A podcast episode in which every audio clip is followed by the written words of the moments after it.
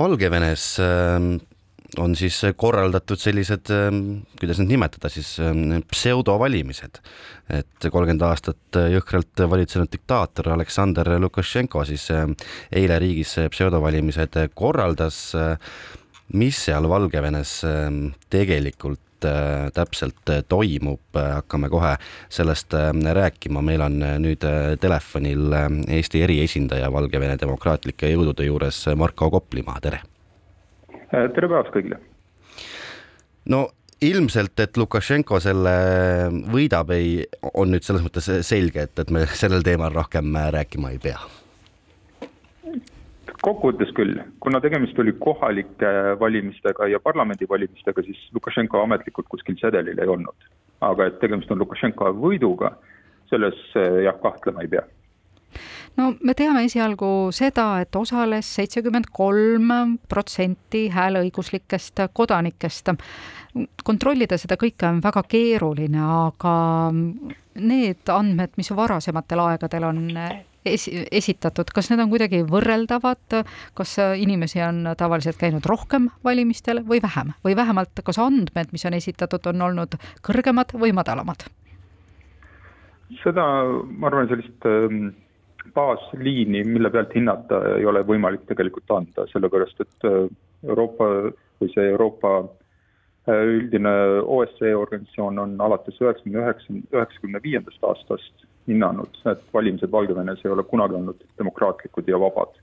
ja see tähendab, et kõiki neid andmeid, mis alates viimase või noh, siis ütleme viimase kolmekümne aasta jooksul Valgevene võimude poolt on valimiste osas antud, ei tasu väga usaldada. Äh, varasemad parlamendivalimised on ametlikud andmetel osalus jäänud seitsmekümne viie, kaheksakümne protsendi vahele. seitsekümmend kolm protsenti, mida nüüd ametlikult hinnatakse, ei, sellest suurt ei erine, nii et äh, ma mingit erisust varasemate valimistega välja ei tooks, kuid ma rõhutaks, et äh, väga väike on tõenäosus, et tegelikult seitsekümmend kolm protsenti inimestest valimistel osales. ja need, pigem on suur tõenäosus, et ka see number on võltsitud kas nendele valimistele lubatakse ligi ka äh, selliseid ikkagi läänemeelseid vaatlejaid või sõltumatuid vaatlejaid? ei, äh, seda ei ole nüüd tehtud, Valgevene ei ole läänemeels- või siis Euroopa üldiseid demokraatia järelevalveorganisatsiooni esindajaid lubanud valimisi vaatlema nüüd viimasel kolmel korral. ja on lubanud valimisi vaatlema siis oma sõbralike riikidest, Venemaalt, SRÜ-st, Äh, kes juba on praegu öelnud, et valimised olid igati korrapärased, mis on ilmselgelt vale ja, ja just selle tõttu, et see vale on nii ilmselge, ei lasta ka siis läänemeelseid või Euroopast pärit valimisvaatlejaid ligi kui äh, sellest struktuurist äh, pisut rääkida, no enamus inimesi teavad, et diktaator Aleksandr Lukašenko riiki valitseb, aga ometi kas seal on siis erinevad erakonnad, mis siis, et nad on kõik äh, justkui valimistel esitatud suhteliselt üks ja seesama mees? nimeliselt on, äh, osales ka selle aasta parlamendivalimistel neli erakonda, kuid praktikas äh, nende erakondade erinevused on marginaalsed ja pigem tulenevad ainult nimest. selle aasta siis eile toimunud ja tegelikult kogu eelmise nädala toimunud valimised Äh, koos eelhääletusega oli tegelikult proovikivi režiimile, Lukašenka režiimile ja eesmärk oli näidata, et kahe tuhande kahekümnenda aasta valimistest, kui presidendivalimiste järgselt puhkesid massilised meeleavaldused tänavatel, on õpitud ja et äh, midagi sarnast praeguste valimistega juhtuda ei saa. see tähendab, et kõik, kogu protsess, alates kandidaatidest kuni hääletamiseni, rääkimata kampaaniast, oli väga rangelt kontrollitud ja piiratud ja võimalust, et mõni opositsioonimeelne või demokraatiameelne kandidaat üldse valimissedelini, sedeli peale jõuaks, oli juba eos välistatud. kas katseid vähemalt tehti?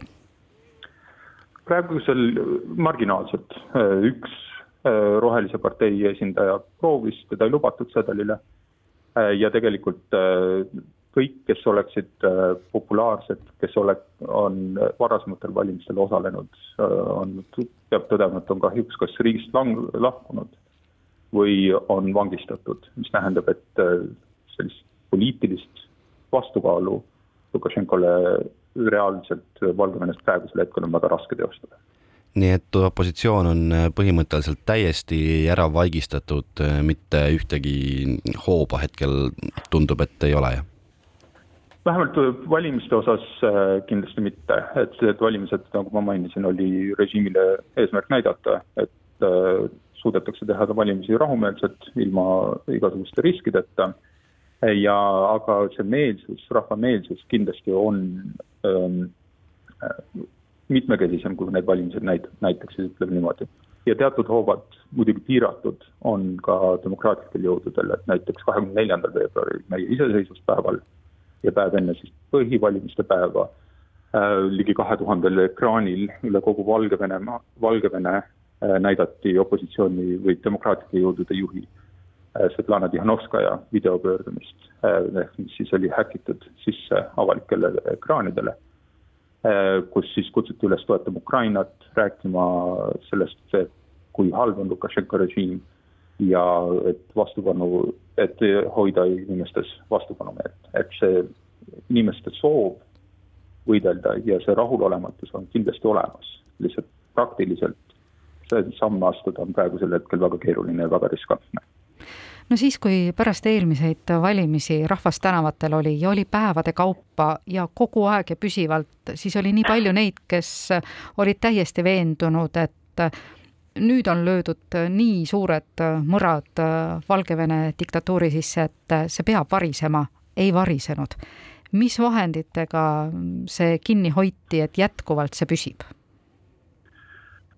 kõige lihtsam on jõud, toores jõud kin- ja kindlasti ka Venemaa suur toetus Valgevene režiimile äh,, mis äh, andis äh, Lukašenkole piisavalt enesekindlust, et kogu see massilised protestimeeleavaldused jõuga maha suruda ja sundida osa, suur osa protestimeelsetest inimestest kas riigist lahkuma või siis vangistusse asuma. et see, seal rahva nii-öelda meelitamist mingisuguste präänikutega sisuliselt tegelikult ei ole, et see on hirm, hirmutamistaktika ja jõuline tegevus režiimi poolt, mis, mis äh, hoidis äh, revolutsioon või sellise demokraatliku pöörde ära. Nii et oma hääle, oma näo ja oma kehaga ei taha naljalt keegi enam ühtki ülestõusu Valgevenes korraldada, kui siis ainult häkitakse ekraanidele ja, ja näidatakse sealt ma arvan, et praegusel, see on ka praegusel hetkel äh, suuresti arusaadav, sest need tagajärjed, mis äh, inimestele, kes näitavad üles poliitilist aktiivsust, on, on väga karmid. Äh, vangistusest, vangistuseni võivad viia kõige väiksemad sammud, kas alates valedest Facebooki like imistest, kuni on ka juhuseid olnud, kus ainuüksi valgevene keele rääkimine, sest seal Valgevenes toimub väga karm venestamispoliitika, valgevene keele rääkimine ainuüksi võib olla piisav põhjus äh, vangistusse sattumiseks, et ma ei mõistaks neid inimesi kuidagi hukka, kes aktiivselt tänavatel ei protesteeri, aga kes äh,, ja see ei tähenda seda, et kõik toetavad Lukašenkot kindlasti. No Valgevenes on need demokraatlikud jõud ju olemas, no kuidas saab väljast, saaks, saaks neid väljas, neid jõude kuidagi toetada? Ma arvan, et me oleme Euroopa Liiduna, Euroopa riikide, iseseisvad riigid, kaasa arvatud Eesti, on demokraatlikke jõude väga oluliselt toetanud ja me kindlasti jätkame seda toetamist. Äh, ma arvan, kõige olulisem on äh, pakkuda ähm, võimalusi inimestel Euroopas olla ja töötada, äh, see tähendab töötada oma poliitiliste eesmärkide nimel. meie Eesti riigina ei ole need, kes peaksime töötama demokraatia eest Valgevenes, need on Valgevene enda inimesed.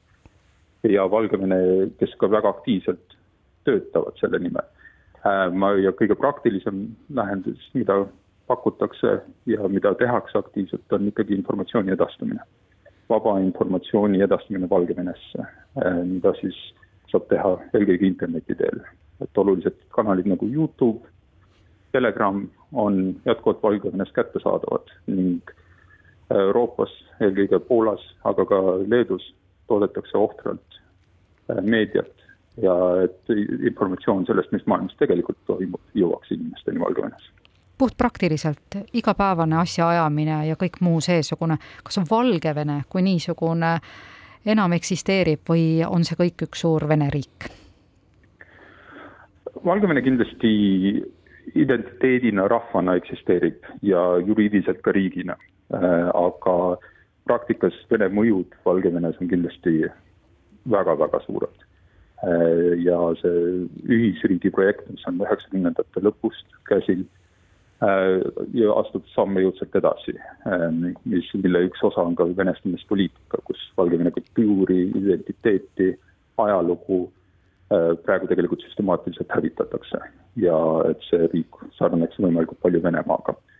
et kindlasti selline kultuuriline imperialism uhab, kuigi nii-öelda juriidiline iseseisvus on veel säilinud.